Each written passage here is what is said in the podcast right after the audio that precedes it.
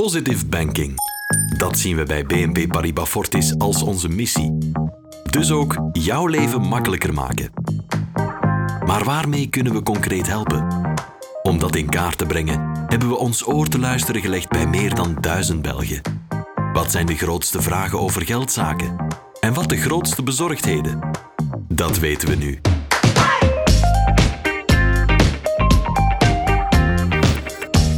Ask Your Bank geven we antwoorden in heldere taal om je nog beter van dienst te kunnen zijn. Hallo en welkom bij Ask Your Bank, een podcast waarin experts van BNP Paribas Fortis duidelijke antwoorden geven op de grootste geldvragen die de Belg zich stelt. Ik ben Elke van Mello en ik bespreek in elke aflevering een vraag met Martijn de Hane van marktonderzoeksbureau Profact. Dag Martijn. Dag Elke. En we hebben telkens ook een expert van de bank te gast en vandaag is dat Filip Kaan. Hallo. We gaan meteen over naar de vraag van vandaag. En die vraag gaat over onze auto. Namelijk, zullen de meesten onder ons in de toekomst nog altijd een eigen auto in de garage hebben staan? En wat zijn de alternatieve manieren om ons vlot te verplaatsen? Martijn, jij werkte mee aan de enquête voor BNP Paribas Fortis. Jij weet dus met welke vragen de mensen zitten. Dat klopt. En Filip, jij bent New Mobility Manager bij Arval, een leasemaatschappij die onderdeel is van BNP Paribas Fortis. Jij hebt dus een goed idee wat de mobiliteitsoplossingen van de toekomst zijn. Zeker.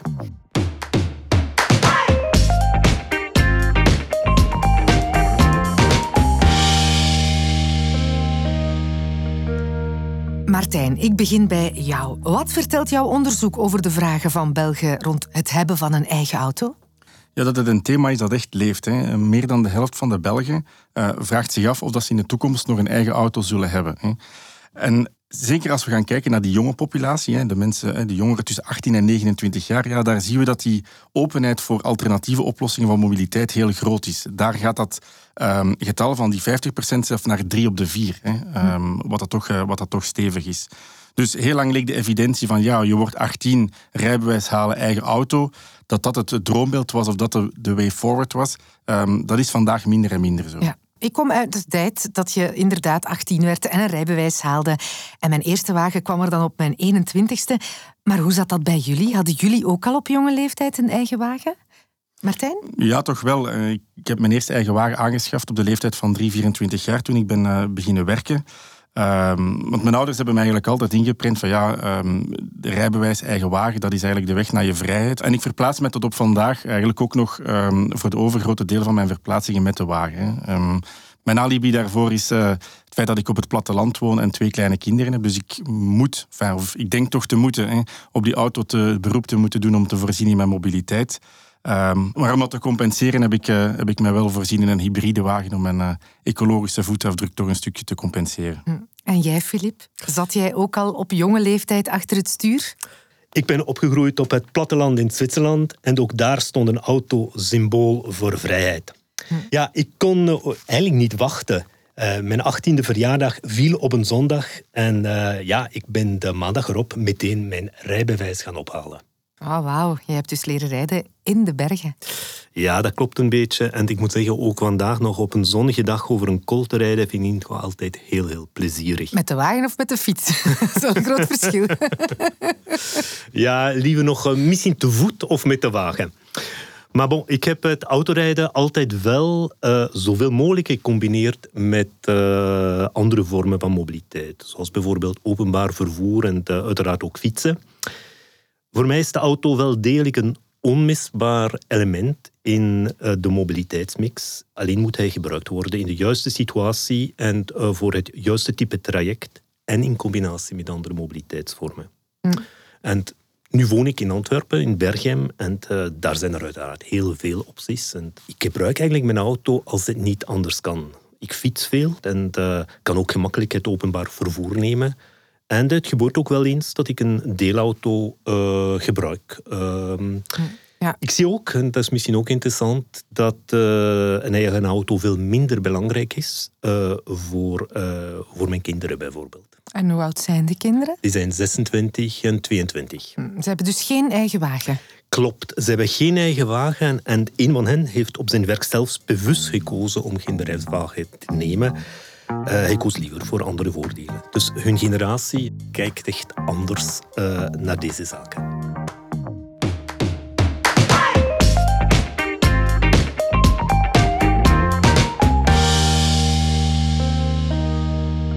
Martijn, we hadden het al even over de toenemende belangstelling voor alternatieve mobiliteitsvormen, zeker bij jongeren.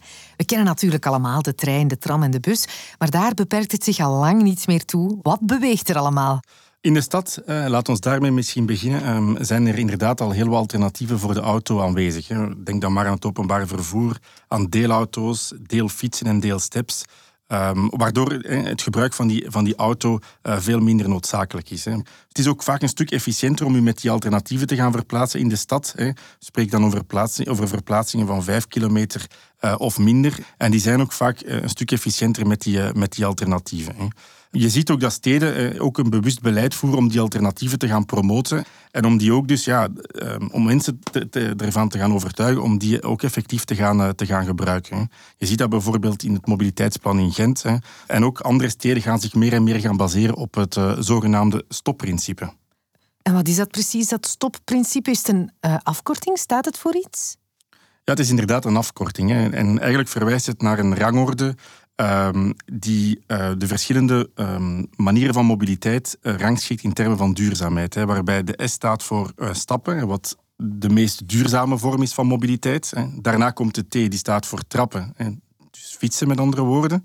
Um, dan komt de O, die staat voor openbaar vervoer of het delen van mobiliteit.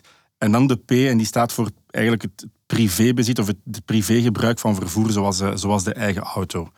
En dus steden gaan daar meer en meer gebruik van maken van dat principe. En je ziet ook dat uh, de banken en de verzekeraars bijvoorbeeld ja, daar zich ook op gaan aansluiten en ook veel meer producten op de markt gaan brengen uh, die, op die uh, op die tendens gaan spelen. Hè. Zoals bijvoorbeeld fietsverzekeringen, fietsleningen, aangepaste verzekeringen voor een Segway enzovoort. Mm. Maar ook bijvoorbeeld voordelige tarieven voor milieuvriendelijke auto's. Ja, de banken en de verzekeraars die evolueren duidelijk mee, maar je hebt het nu wel vooral over steden gehad. Wat als je buiten de stad woont? Ja, daar ligt het wel iets moeilijker. Hè. Uh, mensen die op het platteland wonen, um, ja, gaan noodzakelijkerwijs nog iets meer de auto moeten gebruiken, omdat de connectie met openbaar vervoer niet altijd evident is. De deelmobiliteitsoplossingen ook misschien nog iets minder aanwezig zijn. Um, dus ja, daar is die eigen wagen nog wel prominenter aanwezig. Maar ja, goed, dan kan je natuurlijk nog altijd gaan kiezen voor een, uh, voor een milieuvriendelijke wagen natuurlijk. Hè. Oké, de stad en het platteland die bewegen aan verschillende snelheden als het over nieuwe vormen van mobiliteit gaat. Flip, kijk even naar jou. Zijn er nog andere factoren die een belangrijke rol spelen? Ja, ik denk naast je woonplaats bepaalt ook je levensfase hoe afhankelijk je van een auto bent. Bijvoorbeeld een koppel dat pas afgestudeerd is, kan bijvoorbeeld best zonder eigen auto. Maar dan komen er kinderen en eh, dan is een auto uh, toch wel handig om de boodschappen te doen uh, of de kinderen naar de opvang of school te brengen. En dat is ook de fase waar we zien dat er toch heel veel koppels zelfs twee auto's hebben. Hm, ja. Eenmaal de kinderen het huis uit zijn, blijkt die tweede auto dan niet meer nodig en worden ook andere vormen van mobiliteit aantrekkelijker, opnieuw afhankelijk uiteraard waar je woont. Als je op een haalbare afstand van het werk woont, is een elektrische fiets of een speedpedelec bijvoorbeeld een mogelijk alternatief. Ja, en toch nog heel even over die auto, omdat je het had over de verschillen gelinkt aan specifieke levensfases. Ik hoorde onlangs dat het zeker voor jongeren ook interessant kan zijn om een auto te leasen. Maar leasen, dat is toch iets voor bedrijven, dacht ik. Leasen was in het verleden inderdaad voorbehouden aan bedrijven.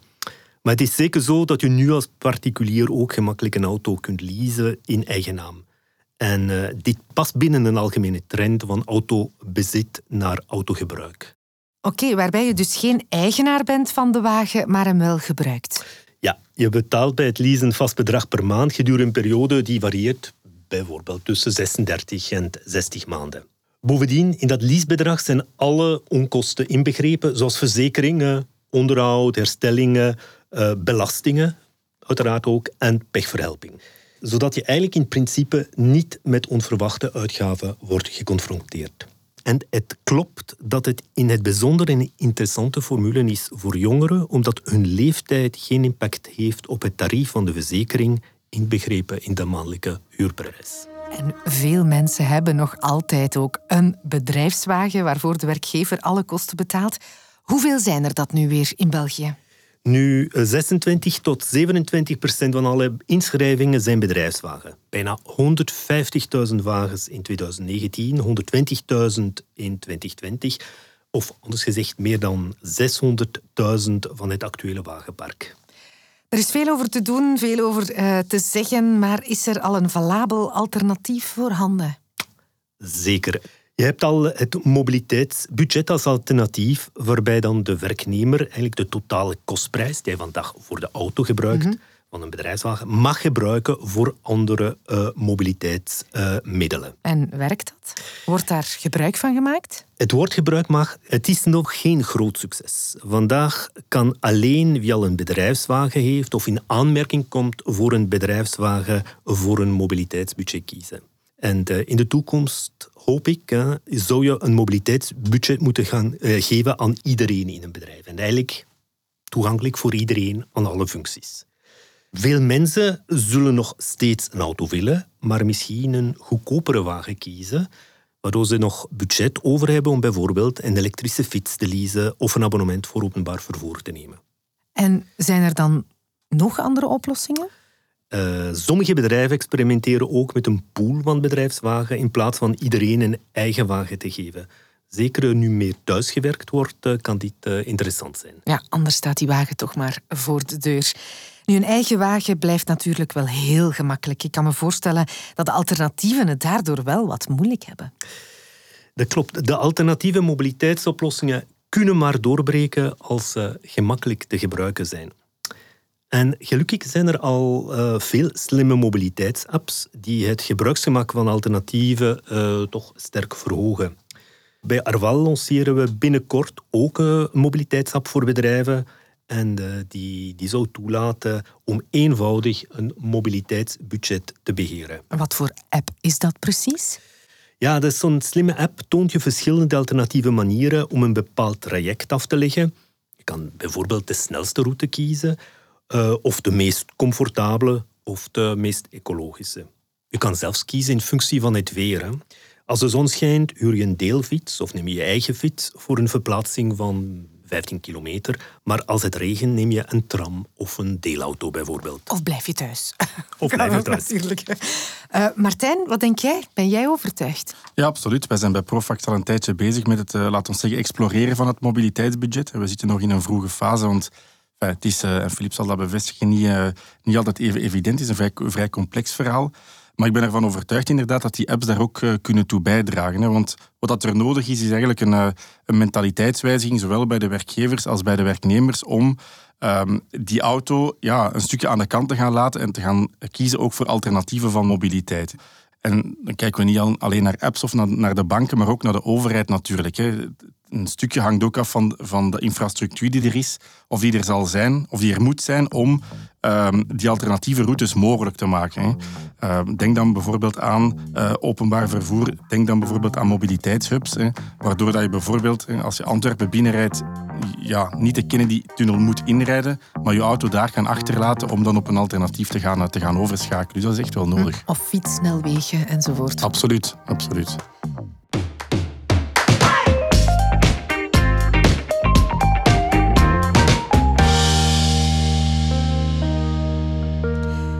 Het einde van de podcast probeer ik altijd even samen te vatten wat we eruit kunnen meenemen. En voor deze aflevering is dat, denk ik, dat de auto zeker in de stad een kleinere rol zal spelen. En zeker jongeren kijken in de richting van alternatieven. Al zullen veel jonge mensen in een latere levensfase mogelijk toch misschien nog voor een eigen auto kiezen, vaak uit noodzaak.